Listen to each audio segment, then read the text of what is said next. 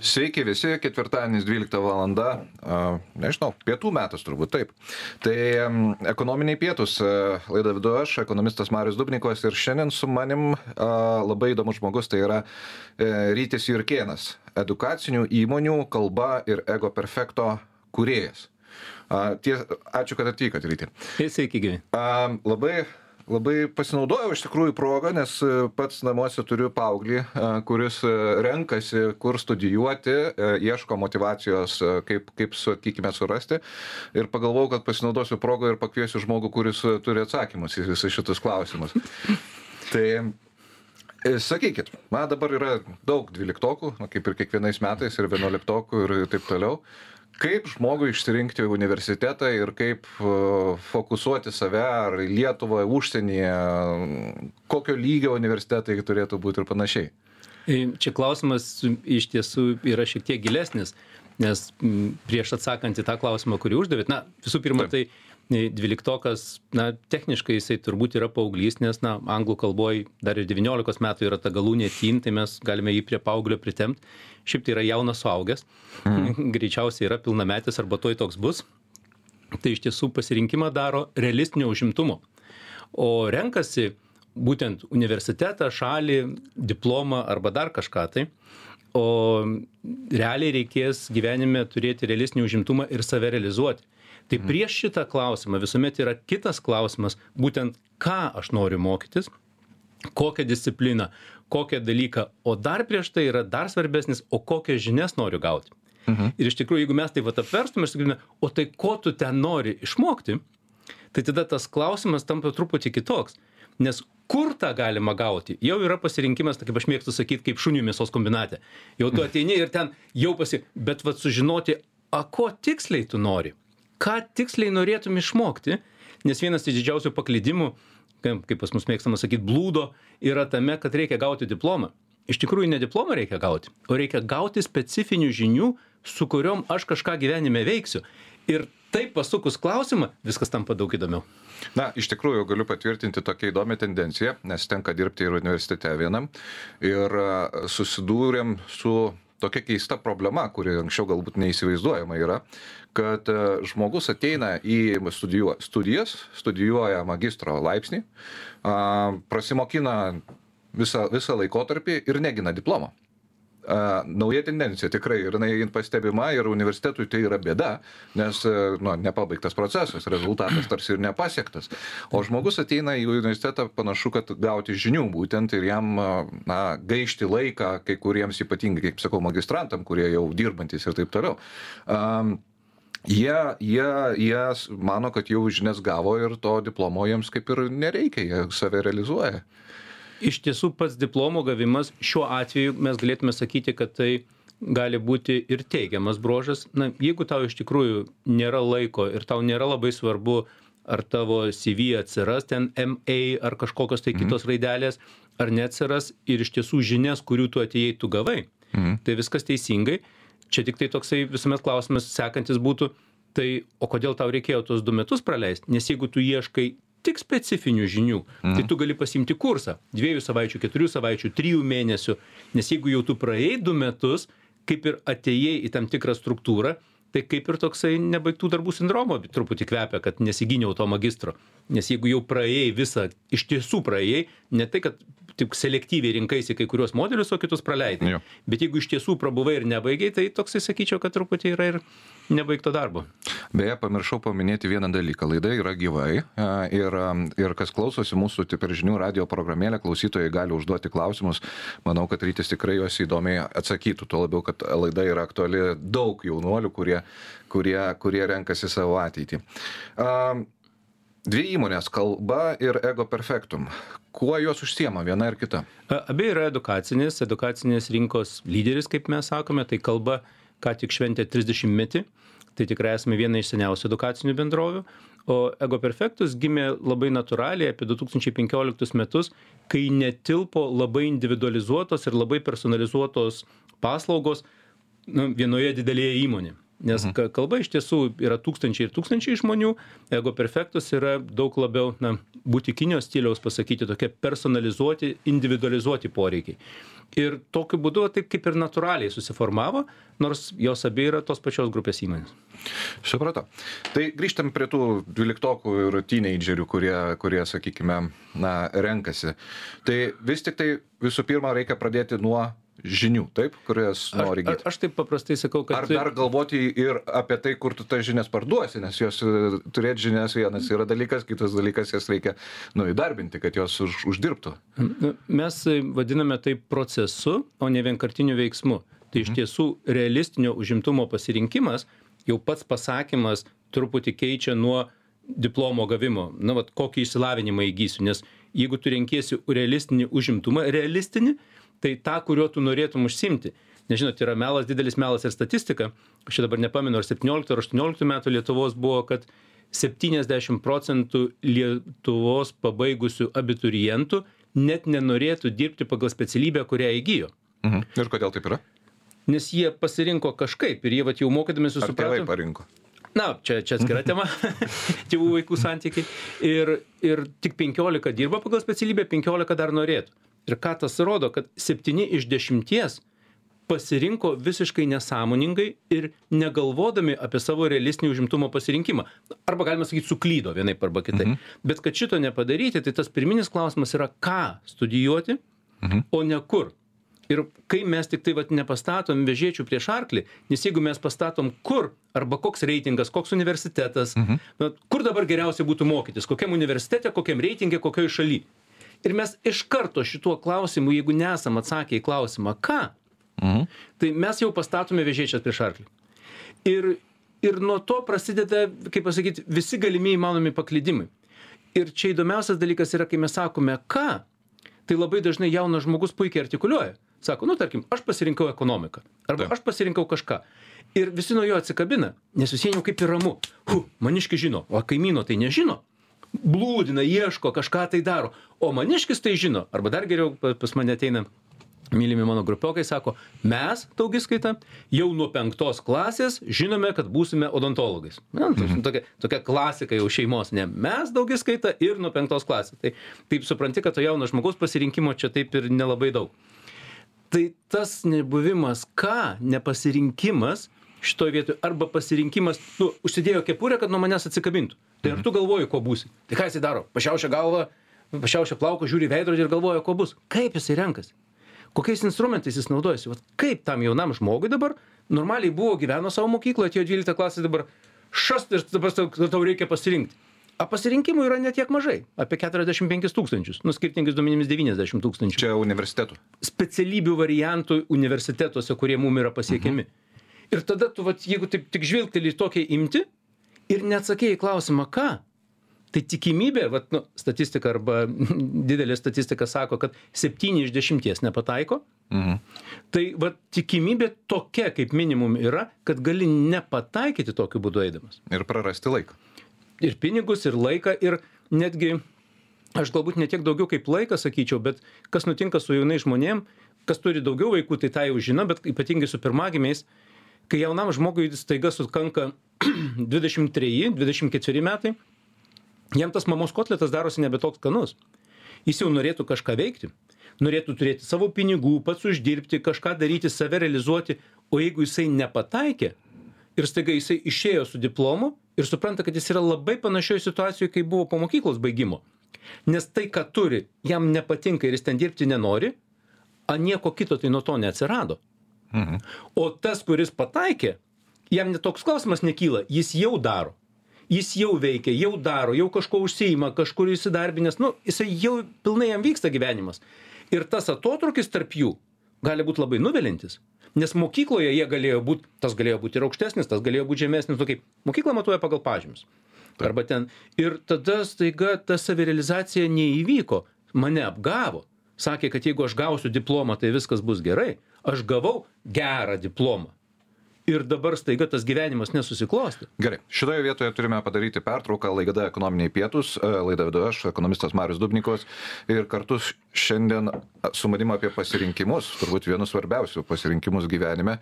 Ehm, e, Kalba LT ir Ego Perfektos kuriejas e, Rytis e, Jurkienas.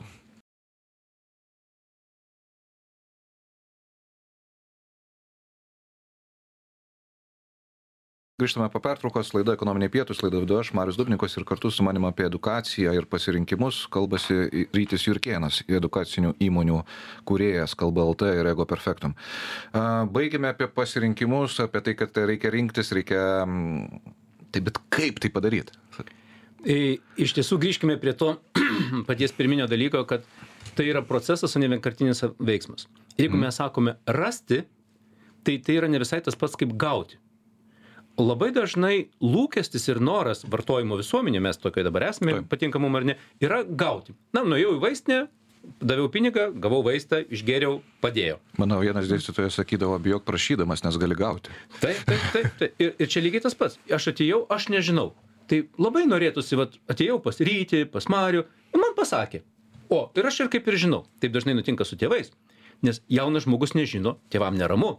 o tėvai viską žino O tada ir vyksta, aš tai vadinu, tėvų žinojimo paradoksu. Nes kol jaunam žmogui 18-19 metų ir tas nežino, jie puikiai žino, kokia specialybė gera, kurioje daug pinigų, kurioje mažai pinigų, kurioje yra ateitis, kurioje nėra ateitis, kokios specialybės bus, kokios nebus. Ir paskui įvyksta 23 metai bakalauro diplomas. Nu, dar kaip ir neaišku. Sako, žinai, jaunoli, tau reikia magistro. Nu, parduoda ten mažą mašiniuką arba neparduoda. Įgyja jaunas žmogus magistrą. 25 metai, du diplomai rankose. A vis vien neaišku. Ir tada aš vadinu kaip tėvų žinojimo paradoksas, taiga dinksta. Staiga jie nustoja žinot, sako, klausyk, sako, tu užknisai, tau 25 metai, aš tavo metų jau dirbau, jau ten du vaikus turėjau, jau variau, prašau, varyk dirbti, jau va, išlavinimą gavai. Ir staiga pasimiršta, kad jisai 18-19 metų, kai buvo, puikiai žinojo, kas tam jaunam žmogui labai gerai arba kas jam nelabai gerai. mhm. Taigi grįžtant prie pasirinkimo, rasti yra procesas, o ne vienkartinis veiksmas. Mhm. Ir jeigu kažkas, aš drąsiai galiu pasakyti, jeigu kažkas po bet kokio ten vieno testo arba pažiūrėjimo į akis, būrimo iš kavos tirščių pasakė, tau tinka tik šitas vienas dalykas, šarlatanas. Mhm. Nėra vieno pasirinkimo. Bet jūs dabar kažką veikite, dar kažką galite daryti taip pat gerai arba beveik taip pat gerai. Taip. Ir tame kontekste yra paieška. Ir paieška jinai yra procesas arba kelias, kuriuo turi nueiti. Tame kelyje yra žingsneliai arba etapai, kuriuos tu Nu, turi praeiti. kokie vat pavyzdžiui nu taip grubiai jeigu Grubiai prasideda e, e, sėkmė arba realistinio užimkim- už pasirinkimo sėkmė yra tame, kad žmogus daro tai, kas jam patinka ir sekasi. Atrodo labai paprasta. Bet paprastai jaunas žmogus nežino nei kas jam patinka ir labai dažnai nežino, kas jam sekasi. Arba kas jam sekasi susijęs su mokyklos pažymiais. Na, man gerai sekasi matematika. Tai ką būsiu matematikas? Ma, arba man ten labai gerai sekasi lietuvių. Tai būsiu lietuvių vertėjas arba kalbos mokytojas. Ir kartais taip nueina. Labai labai supaprastintai. Ne? Taip, ne, taip ne, nevyksta. Tai, arba vadybininkų nueina Arba vadybininkų nueina. Nu, vadybininkas irgi beje, šiuo metu top 10 vadybininkai užima, man atrodo, top 10 daugiausiai uždirbančių specialybių. Vadyba, nu, su skirtingams, tai man Taip. atrodo, užima 4 iš 10. Taip kad nėra jau toks visai prastas pasirinkimas. Tai, i, tai bet procesas. grįžkime prie pro- proceso taip Tai, tai kad daryti tai, kas patinka ir sekasi, tu turi suprasti visų pirma savo potencialą. Potencialas tai yra mano gabumų ir gebėjimų rinkinys, mano polinkiai ir mano savybės, kurios įgalina tuos visus dalykus realizuoti. Ir čia labai svarbu, e, kad e, mes esame labai pripratę prie tokio dalyko kaip stiprybės ir silpnybės. Sako, mano stiprybė, mano silpnybė. Ir mes pametam unikalumą. Ir jaunas žmogus pradeda žiūrėti į kitus, bet ne į savo vidų. Ir nori būti kaip kažkas. Ir čia prasideda pingvinų mokymas skraidyti.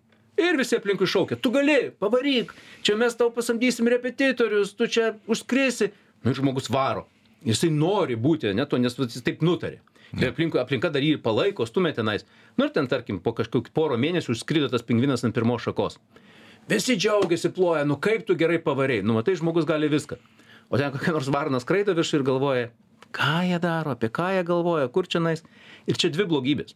Viena tai, kad nėra rezultato po labai daug pastangų, mhm. o kita yra di dar didesnė blogybė, kad neklausia, kaip tas pingvinas nardo, kaip jis gaudo žuvį. Gal jis pavadinio nardymo čempionas, o jis visą gyvenimą jautėsi kvailas dėl to, kad jis prastai skraidė. Ir tas nepažvelgimas į savo vidų, bet tas pažvelgimas į savo vidų, potencialo pamatymas nėra tik pažymiai mokykloje. Pažymiai mokykloje yra kaip tavo ūgis, svoris, nu, kaip tavo hygiena, kaip dantų skaičius. Tai tiesiog yra, tu tiesiog turi tai turėti. Tai, nu, tai visiška hygiena, ten aukštesni, mažesni, nu, kaip mes galim būti aukštesni, žemesni ten ir, ir sakyti. Bet tavo potencialas yra unikalus. Ir va to unikalumo pamatymui mes naudojame instrumentus.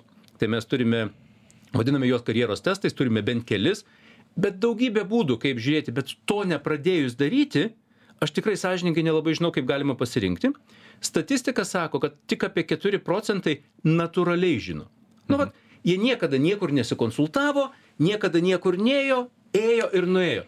Tai va ta tikimybė tokia, kad esi vienas iš 4 procentų, jinai yra. Nu, ne, tikrai jam niekas nieko nepatiria, jis kaip žinojo ir nukeliavo ten, kur turėjo nukeliauti. Bet kitiem 96 procentam tai reikia padaryti darbą. Gerai, turime klausimą. Manau, kad e, pataikėme tikslinę auditoriją. Tai yra, Justas klausė, mano tėvas inžinierius ir verčia mane to mokytis. Bet manęs tai tai nei traukia, nei domina. Ką patartumėt?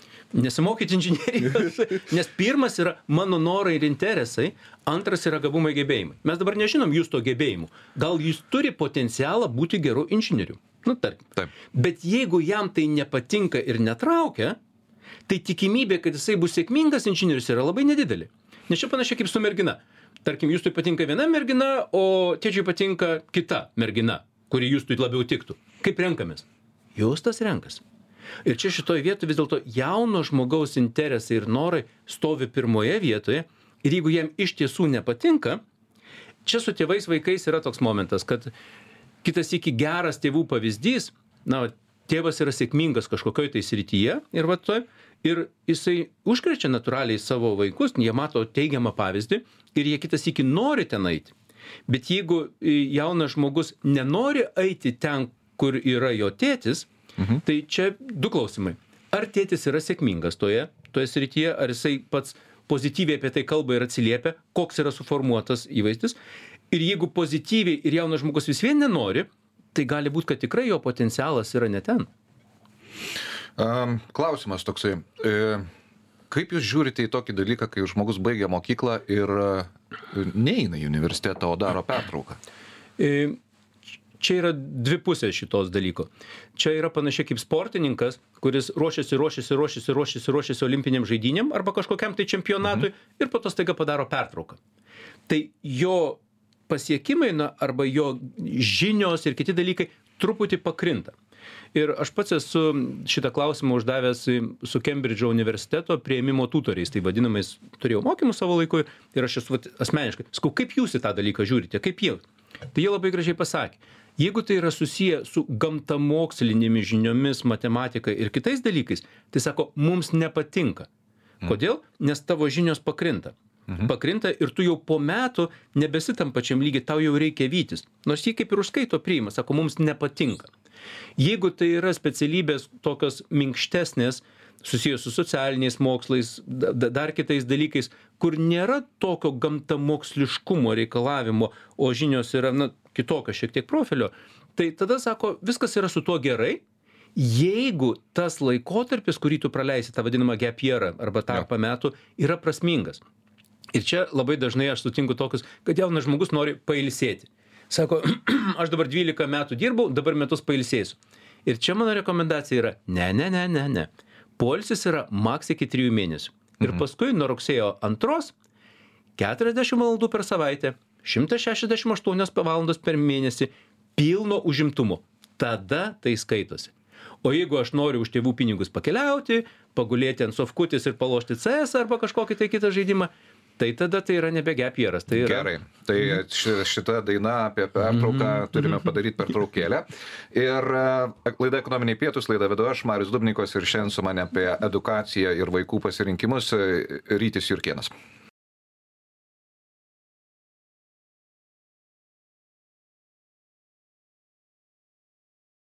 Sveiki, grįžtame po pertraukos, laidą vedu aš, Marius Dubnikovas ir kartu su manim labai sklandžiai apie sudėtingus klausimus Rytis Irkienas, Kalba LT ir Ego Perfectum, e, kuriejas, įmonės, kurios e, užsiema žmonių edukaciją. Ir per pertrauką mes gavom iš e, Pauliaus klausimą. Pauglys nori vasarą uždirbti pinigų. Kaip tas procesas? Pinigai versus tikslinė patirtis. Pinigų galima uždirbti greitai, o ne ilgu, il, ilgai krautis patirtį būtent per tą vasarą. Kaip jūsų toks požiūris į šitą dalyką? Man labai patinka paauglys, kuris iš esmės nori dirbti, nes atsakant ponui Pauliui, patikėkit, tikrai ne visi nori vasarą dirbti. Ir aš taip turbūt nesuklysiu sakydamas kad daugiau kaip pusė norėtų gauti pinigų o jų ne jų užsidirbti. Tai vien paauglio noras užsidirbti jau rodo tam tikrą jo potencialą kurį kartais mes galime apibūdinti kaip verslumo prigimtį. Angliškai yra entrepreneurial nature. Ir gali būti kad jaunuolis turi tenais potencialą ir jeigu jisai demonstruoja norą užsidirbti tai yra ir interesas ir noras ir pasakymas kad lengva pinigus užsidirbti tai dabar išeikit į gatvę ir pasakykit čia pinigus užsidirbti tai dabar ir daug tai yra labai lengva. Na pasižiūrėjus į ekonomiką visi turi darbo. E, taip darbo taip bet uždirbti pinigus kad tai yra lengva ir paprasta aš manau kad e, gatvės praeiviai gali dauguma nesurinkti kaip pasakyt to kad tai tikrai lengva ir paprasta tai tai ir gali būti specifinės žinios kurių tam žmogui reikia įgyt galbūt tai jo ateities veikla Arba galbūt dar kitas versija yra, kad jisai supras, kad ko jis nenori daryti. Arba jisai supras, ko nenori daryti, arba pamatys, kad tai visai nėra taip lengva ir kad galbūt reikia įgyti specifinių žinių, kad tos pinigus uždirbti. Tai aš sakyčiau, kad pats noras uždirbti, o ne gauti yra labai sveikintinas. Mhm.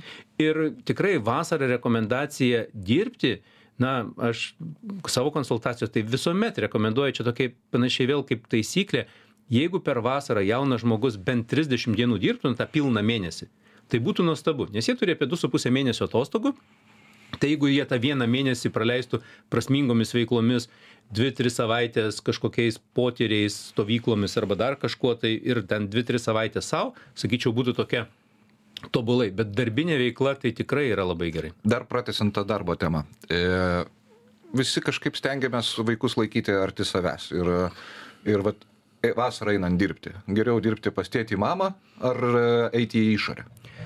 E, nėra paprasta eiti į išorę, tikrai pasakysiu, nes rekomenduoju dirbti, matai jauną žmogų ir dabar jisai išėjo į išorę, nedaug kas tų paauglių labai nori, mm. atsakomybė ir viskas. Tai nematau nieko blogo dirbti pas mamą tėtį, tik šitoje vietoje labai yra svarbu, kad būtų prasmingas darbas. Mm. Aišku, ir neprasmingas darbas, nu kaip sakau, neprasmingas darbas kiloti prie konvejerio dėžę užkelti ant konvejerio. Ir taip daryti aštuonias valandas. Na kai dirba tie patys raumenys dabar jau tokių darbų beveik neliko robotai bet aš kaip pavyzdį kaip tai va tokio neprasmingo darbo tai truputį bandyčiau privengt kad būtų prasmė. Nes jeigu jaunas žmogus gauna patirtį ir jo darbe prasmės nėra arba tas darbas yra jam sukurtas na kai iškask duobę vėl atkask duobę tai va tokie darbai tai iš tikrųjų yra žala o dirbant pa pas tėvus ar ne pas tėvus vis vien tai dažniau nutinka arčiau arčiau namų arčiau tėvų arba giminaičius sakykime. arba giminaičius pažįstamus nes nėra taip jau visiškai paprasta paaugliui nu jeigu tu turi aštuoniolika tai taip jau yra kitaip. Bet taip nėra visai lengva. Mhm. E, dar viena tema tokia kurią norėjau paliesti kuri aktuali beje šiandien dienai tai yra E, vis tiktai karinė tarnyba. Koks jūsų požiūris? Vat, e, mes vis tiek turime daugybę žmonių, kurie dabar eina savanoriais į, į kariuomenę ir praktiškai matome, kad užpildo, tai beveik, beveik šaukti kažko taip prie, per prievartą net ir nebereikia. Bet vat, jūsų požiūriu, tai kariu, įėjimas į kariuomenę ir tas vat, vienerių metų pauzė. Apie pauzę jau kalbėjom, bet vat, jeigu tai įprasminam per, per kariuomenę. Tai iš tiesų, kai kalbame apie tą vadinamą pertrauką arba gap year ir jeigu tai nėra susijęs su gamtamoksliais dalykais, tai kariuomenė kaip alternatyva gap yearui mano galva yra puiki. Mhm. Nes tikrai pavyzdžių, kiek turime, kad žmogus po tos kariuomenės jis grįžo su struktūruoto mintim, su tvarka galvoje, mokėjimu pasiklot lovą ir taip toliau, tai, tai daug dalykų. Aš dar pasakysiu tokį dalyką, kad psichologai yra darę daug tyrimų, na ir visien, kariuomenė daugiau yra susijusi su vyriška lytimi, na kaip kad daugiau vyrai. Čia va mano sekantis klausimas bus kaip jūs manote reikėtų moteris kviesti į tai, ir merginas tai, į kariuomenę ir, ir, ir čia e, kai konsultuoji iš tikrųjų yra branda vis dėlto jinai tikrai yra nevienoda. Ir kaip ten bebūtų nors mes žinome kad tikrai yra lyčių lygybė bet kartais būna kad ateina dvyliktokas ir jis yra tiek nebrandus nu vat tiesiog vat nu kaip pasakyt vė tas vadinamas vėlyvos brandos nu kad jam tikrai reikia kariuomenės nes jį bet kur paleisti nu jis yra nebrandus. Ir kitąsyk ateina šešiolikos metų sėdi prieš tave tau tokius klausimus užduoda tau tik žandikaulis atsivėpia ir galvoji vau aš nežinau ar aš dvidešim penkių metų tokius klausimus uždavinėjau ir taip mąsčiau. Tai ta branda dar yra labai nevienoda. Mm. ir kart ir tai iš tiesų tada tie devyni mėnesiai jie nu vat neštumas irgi devyni mėnesiai, mediciną esu pabaigęs, jie duoda tam tikros brandos. Tai išskyrus tuos atvejus, kai tikrai mes kažkokie labai akademiniai dalykai ir mes taikome į labai tokius tyriamuosius dalykus, tai tas gali tavo žinias truputį, na, kaip pasakyti, mhm. nes tu tikrai tuo metu nesimokėsi sužeminti tą bendrą lygį, tokį vienintelį, bet visais kitais atvejais aš tikrai labai rekomenduočiau. Gerai, mes dar užsiminėm apie vieną dalyką, tai už ausies man užkliuvo reitingai universitetų. Mhm. Kiek tai yra svarbu ir, ir ar reikia jų vaikytis? E, čia vienas iš tokių, mm, kai nežinau, ką noriu rinktis, Taip. tai tada man kriterijumi lieka tik tai reitingai. Mhm. Nes specialybės tai aš nežinau, bet man tada reikia gero universiteto o geras kuris tai tas kuris aukštesni reitingai ir čia reikėtų labai padaryti vėlgi ryškią takoskyrą. Jeigu tai yra susiję su gamtamoksliais dalykais tai reitingai tada atspindi. Nes jeigu mes pasižiūrėsime iš ko susideda reitingai universitete labai didelė dalis reitingų yra iš tyrimų. Kiek jie išleido daktarų turi jie nobelio laureatų neturi. Kas pas juos dėsto? Kiek dėsto daktarai kiek dėsto profesoriai kiek dėsto mokslų daktarai? Kokios buvo publikacijos? Kokio lygio publikacijos? Kokio lygio žurnaluose publikacijos? Ir taip toliau ir taip toliau ir taip toliau. Na ir ten populiariausias tas vadinamas yra qs world ranking kuris apima viso pasaulio universitetus savo šalys dar turi savo visokius.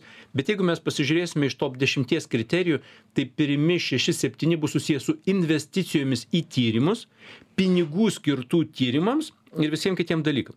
Ir tada nutinka toksai paradoksas kad jeigu tai yra tarkim biomedicina tai tikrai turi prasmę. Nes kuo jie daugiau padarė tyrimų kuo jie stipresnė materialinė bazė kuo tenais daugiau profesūros vienokios arba kitokios yra tuo potencialiai tau tai turėtų duoti didesnę vertę nu daugiau specifinių žinių tu galėtum gauti bet jeigu mes tiktai nueiname į labiau socialinius mokslus arba netgi paimkime tokį klasikinį mokslą kaip menedžmentas kuris jau dabar yra tapęs menedžmentu lietuviškai mes sakome vadyba Mhm. Bet vadyba pas mus labai nuvertinta.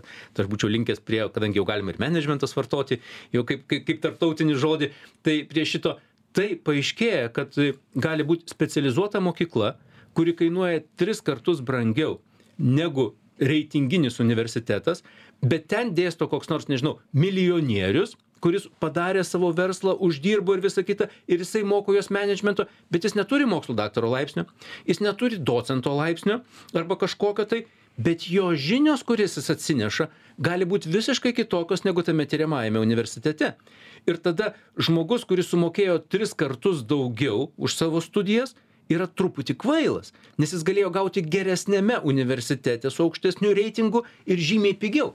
Tai jisai kažko nesupranta. Tai reiškia tenais vat nuėjęs tai kas tada su juo yra negerai? Todėl reitingai svarbu labai priklausomai nuo specialybių bet aš sakyčiau apie trisdešim procentų. Mhm. Apie 30 procentų specialybių pasirinkimuose reitingai tikrai svarbu, verta juos žiūrėti. 30 procentų sakyčiau, kad net nereikia. Na ir paskui yra tas viduriukas. Gerai, a, reitingai, universitetai, šalis. Kur lietuviai dabar keliauja ir kur yra populiariausios kryptis studijuoti? E, lietuviai vis dar moka išimtinai anglų kalbą. Mhm. Tai, tai iš karto mus nukreipia į ten, kur mes galime mokytis anglų kalbą nes tokių kurie moka taip laisvai vokiečių kalbą prancūzų kalbą kad galėtų mokytis vokietijoj prancūzijoj ispanijoj italijoj yra bet tikrai labai nedaug. Tai jeigu mes kalbėsime apie studijas anglų kalba e, tai e, populiariausia šalis e, šiuo metu vis dar yra nyderlandai o bet tačiau ten jie labai smarkiai šiuo metu išgyvena apgyvendinimo krizę ir labai įdomiai ta apgyvendinimo krizė yra įvykus dėl dviejų dalykų ne tik dėl ukrainos karo kad ukrainiečiai tenais mhm. atsirado. Pati nyderlandų karalystė yra labai tankiai gyvendinta ir bet pasi pasirodo kad yra dar labai daug rusų pabėgėlių. Mhm. tie kurie pabėgo nuo režimo ir jie irgi tenais atsirado. Ir tada mes su jais visais dar konkuruojam irgi apgyvendinimo vietose. O šalis yra lietuvos dydžio. Tai tai bet bet programų anglų kalba jie turi nemažai. Antra pagal populiarumą šiuo metu yra vokietija bet čia būtent vokietija studijose anglų kalba. Ir jie mhm. pradeda turėti labai labai daug programų anglų kalba kur galima mokytis anglų kalba. Ir na tokie atsiranda išskirtinumai kad vokietijoj dabar jau galima gauti finansavimą savo studijom kai nereikia ištraukt pinigų iš kišenės. Nu pasiskolint. Ko tarkim nyderlanduose arba kitose šalyse nėra galimybės dabar o sakykime tokia šalis kaip lenkija vat man kildavo klausimas jinai arti jinai didelė ir ir ir ir aš negirdžiu pavyzdžiui pasirinkimų kad e, iš aplinkos kad kažkas Pernai metais turėjom du. du iš viso iš, Nu, me, mes, iš kiek žmonių kurie pas jumis perėjo Nu, me- perėjo žmonių kurie mes kiekvienais metais konsultuojam gerokai virš tūkstančio žmonių. O. E, Tai, tai, tai turėjom du. Mhm. Tai, bet e, šitoj vietoj, kaip tikrai ne visi per mus važiuoja, mes nekonsultuojame, kas, gali, kas nori studijuoti lenkų kalbą. Mhm. Tai aš manau, kad e, mūsų mažumų reiškia, kurie laisvai, arba tų žmonių, kurie laisvai kalba lenkų kalbą taip, kad galėtų jie studijuoti, jo tai jie tiesiog pro mus nepraeina, nes mes matome tos, kurie nori studijuoti anglų kalbą. Mhm. bet irgi tokia opcija yra Yra, tai žinoma, tai yra ir, ir Varšuvoje, ir Vroclave, ir kitur yra universitetai, yra Anglijos universitetai rimti, yra įsteigę, pavyzdžiui, Vroclavas yra beveik Vilniaus dydžio miestas ir yra Anglijos universitetas atsidarę savo universitetą Europos Sąjungoje, kad turėtų jį. Mhm. Ir studijos kainuoja prašmatnius 2,5 karto pigiau negu Anglijai. Ir yra ta pati kokybė. Tai anglai po breksito yra taip pat Vokietijoje, jie tokių Kiprė, tai mhm. jie, jie tokių Salonikose, Graikijoje, tai yra tokių pasėję sėklų, kaip pasakyk, kur didieji Anglijos universitetai yra atsidarę savo universitetus va tose šalyse. Ir e, minėjot Vokietiją. Vokietija, kad galima paskolos sistema naudotis. Mhm. Kokios dar šalis? Tai finansuoja, sakykime, leidžia žmogui studijuoti ir tik tai vėliau gražinti Mes pinigus. pastebim tokią labai įdomią tendenciją, kad e, jeigu, tarkime, 2014-2015 metais prieš euro įvedimą studijų kaina, tarkim, 8 tūkstančių eurų arba 10 tūkstančių eurų ir dabar Metams. metams. Ir dabar, tarkim, studijų kaina 8 arba 10 tūkstančių eurų yra visai kita istorija. Žmonių, kurie gali leisti savo vaikam po 700 eurų per mėnesį už studijas, na, yra ženkliai, ženkliai, ženkliai daugiau negu jų ten buvo, tarkim, prieš dešimtmetį, kurie galėjo leisti tuos pačius 700 eurų per mėnesį. Mhm. Todėl tas prieinamumas studijų arba pasiekiamumas tikrai yra labai labai smarkiai padidėjęs. Skandinavijos šalis vis dar yra mokslas nemokamas visiems ES piliečiam, bet dramatiškai yra sumažėjęs studijų anglų kalba. Danai beveik uždarė. E, Švedai pasidarė labai gražią sistemą, kad mes nespėjame įstoti su savo diplomu, turim palaukti metus. Na, jie, jie uždaro prieimimą anksčiau, negu mes gauname brandos atestatą. Ir taip kaip ir na, natūraliai, natūraliai atsisėjoja, na, gali palaukti metus ir po, ir po, ir po to stoti. E, e, Suomija pati kaip šalis tokia truputį mažiau atraktyvi, bet yra Suomijoje irgi studijuoja anglų kalbą. Na ir paskui lieka angliškai kalbanti šalis Airija, bet jinai priešingai. Jie taip vėlai duoda patvirtinimą, kas yra rugsėjo pradžia. Tai jeigu tu, tarkim, stoji tik į Airiją, tai tau viskas gerai, tu sulaukiai rugsėjo pradžios ir gavai savo pasiūlymą ir išvažiavai studijuoti. Mhm. Bet jeigu tu, tarkim, stoji į Airiją ir dar kažkur tai, tai tau jau kiti sako, tu rašyki sutartį, o tu ten dar laukia atsakymo. Ir, ta, ir, ir tada toksai gaunasi susimėtymas. Na ir žinoma, populiarėja labai pietų šalis - Ispanija, Italija, Prancūzija, bet aš kalbu apie studijas anglų kalba. Taip. Ir jeigu biudžetas yra tarp 8-12 tūkstančių eurų, tarkim, iki 1000 eurų per mėnesį, tai visose tose šalyse galima rasti speci... Nu, odontologija kainuoja 20 tūkstančių, bet jinai mhm. jau yra na, natūraliai brangesnė ir Lietuvoje, ten, tarkim, medicina, a, mokama medicina, jeigu studijuoti irgi yra brangesnė. Na, visą laiką egzotiškai skamba Šveicarija. E, Ar tenais irgi yra anglų kalbos? e, Šveicarija yra. I- Šveicarija yra labai savita su savo kantonais ir savo tvarka. Šveicarijoje yra valstybiniai universitetai ir yra na, nevalstybiniai universitetai. Kainos jų yra panašios, na, šveicariški yra valstybiniai universitetai nelabai priima su mūsų diplomais. Mhm. Tai va ten toksai yra ir jeigu tu nesi Šveicarijoje, ten kokių tai šaknų turi viską, tai į tuos valstybės, čia ne, daugiau apie bakalauro studijas kalbu, Taip. magistro studijas truputį paprasčiau, bet bakalauro studijose ne, mes nepatenkam. Ten yra, yra papildomų reikalavimų tokių ir mes, ne, ne, tai kaip ir yra studijų anglų kalba, bet mes nelabai praeinam. Supratau. Kur egzotiškiausiai esate išsiuntę savo konsultuojamus žmonės? Nu, dabar tvarkome Pietų Koreją, bet jau ne pirmą kartą. Irgi anglų kalba. Taip, taip, mes kalbam apie studijas anglų kalbą. Pietų Koreja, Japonija, na, Australija, Naujoji Zelandija turbūt ne egzotika. Na, kaip kam? Ju- ju- Jungtinės valstijos, Kanada irgi, irgi, ir, ir, irgi tokia, tokia, na, va, Dubajus, Dubajus. Tai ta geografija pakankamai plati.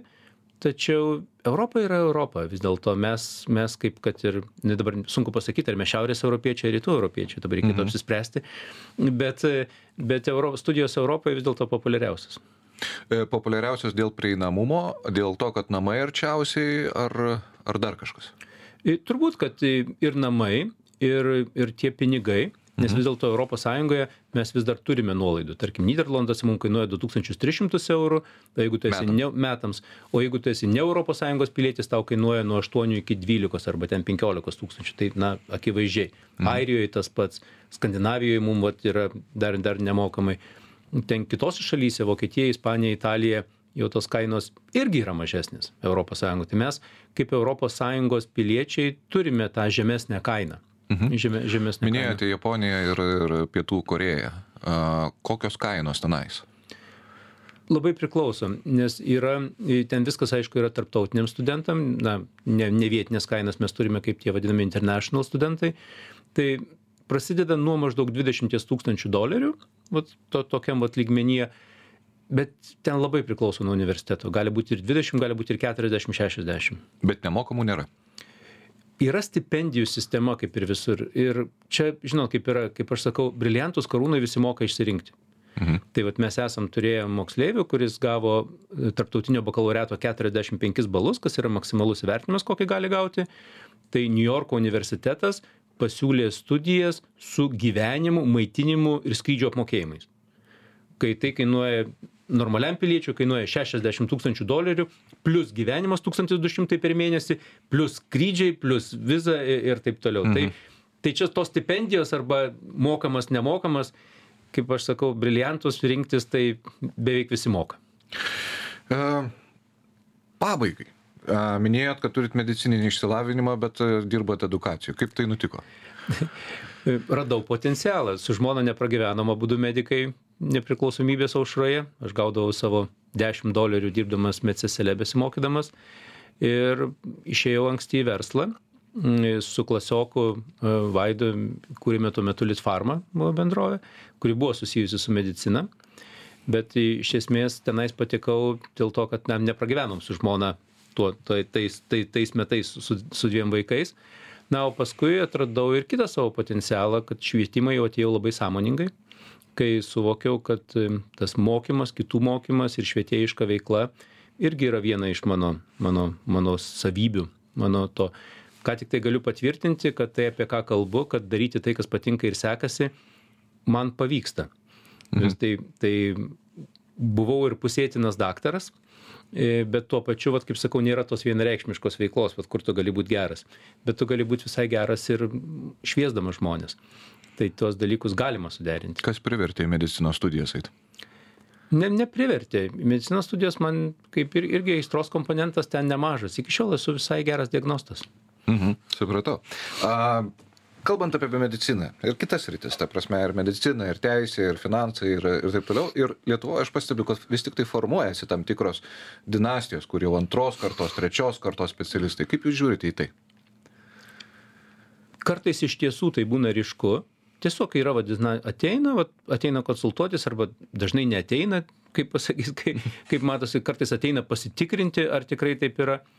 Tai matosi dinastijos ir jeigu tai yra geri pavyzdžiai, žinot, tas pasakymas, kad obelys nuo obels, jisai galioja, bet ne visada. Ne visada. Ir ypatingai tokiose srityse kaip medicina teisė, kur reikia dar ir aukštų akademinių pasiekimų ir bendrėjai gebėjimai turi būti aukšti. Nes tas bendrųjų, tie vadinami aptitude arba bendrėjai gebėjimai, juos tikrina stojant į mediciną daugelis pasaulio universitetų, neužtenka pažymių, tavo dar tikrina bendruosius gebėjimus, mhm. kurių tu negali padaryti geriau negu tu juos turi. Na čia kaip ūgis. Sako, mes visus paimsime, kurie metras 80, bet jeigu tu metro 60, tu kiek nori šokinėk, tu nepritemsi to centimetro. Tai, e, tai tas tinka. Lygiai taip pat kaip ir būna, kad ir netinka. Ir ten dinastija, tarkim, 3-4 kartos ateina, nu, man yra buvę labai gražių situacijų, kaip ateina pasitikrinti ir matai, kad tas jaunas žmogus visai netoj, visai, visai netoj temui. Ir tada pradedi, viena buvo labai graži situacija, pas mane susipyko. Aš tai pradedu atsargiai, pažįstu tos žmonės, atėjo, nu, pažįstami, atvežė kūdikėlį, tokį jau 18 metų ir, nu, kaip ir mes jau senai žinome, kad čia jau mums medicina tinka, bet, bet pasitikrinti atėjom. Ir aš taip atsargiai bandau nu kažkaip reikia pasakyt kad nu bet nu nela nu va čia ne taip matosi vat ir čia. Ir ta mergaitė kai pratrūko aš jums senai sakiau kad nenoriu į tą mediciną. Ir aš taip sėdžiu galvoju o bet tėvai tokie vat tokie geranoriški iš tikrųjų vat atvira širdim nes ir atėjo sako taip žiūriu a ne? O tai kas tada jai galėtų tikti na nebuvo tokio kad susirinko daiktas trenkė durim ir išėjo. Gerai, labai trumpai, 10 sekundžių. Ar mokytojas yra prestižinė profesija? Bet labai trumpai. mokytojas yra šventas žmogus Ačiū Jums. Laida ekonominiai pietus, laidą vedžiau aš, ekonomistas Marius Dubnikovas ir kartu su manim nuotaikingai laidą pabaigė Rytis Jurkienas, e, edukacinių įmonių kalba LT ir Ego Perfectum kūrėjas.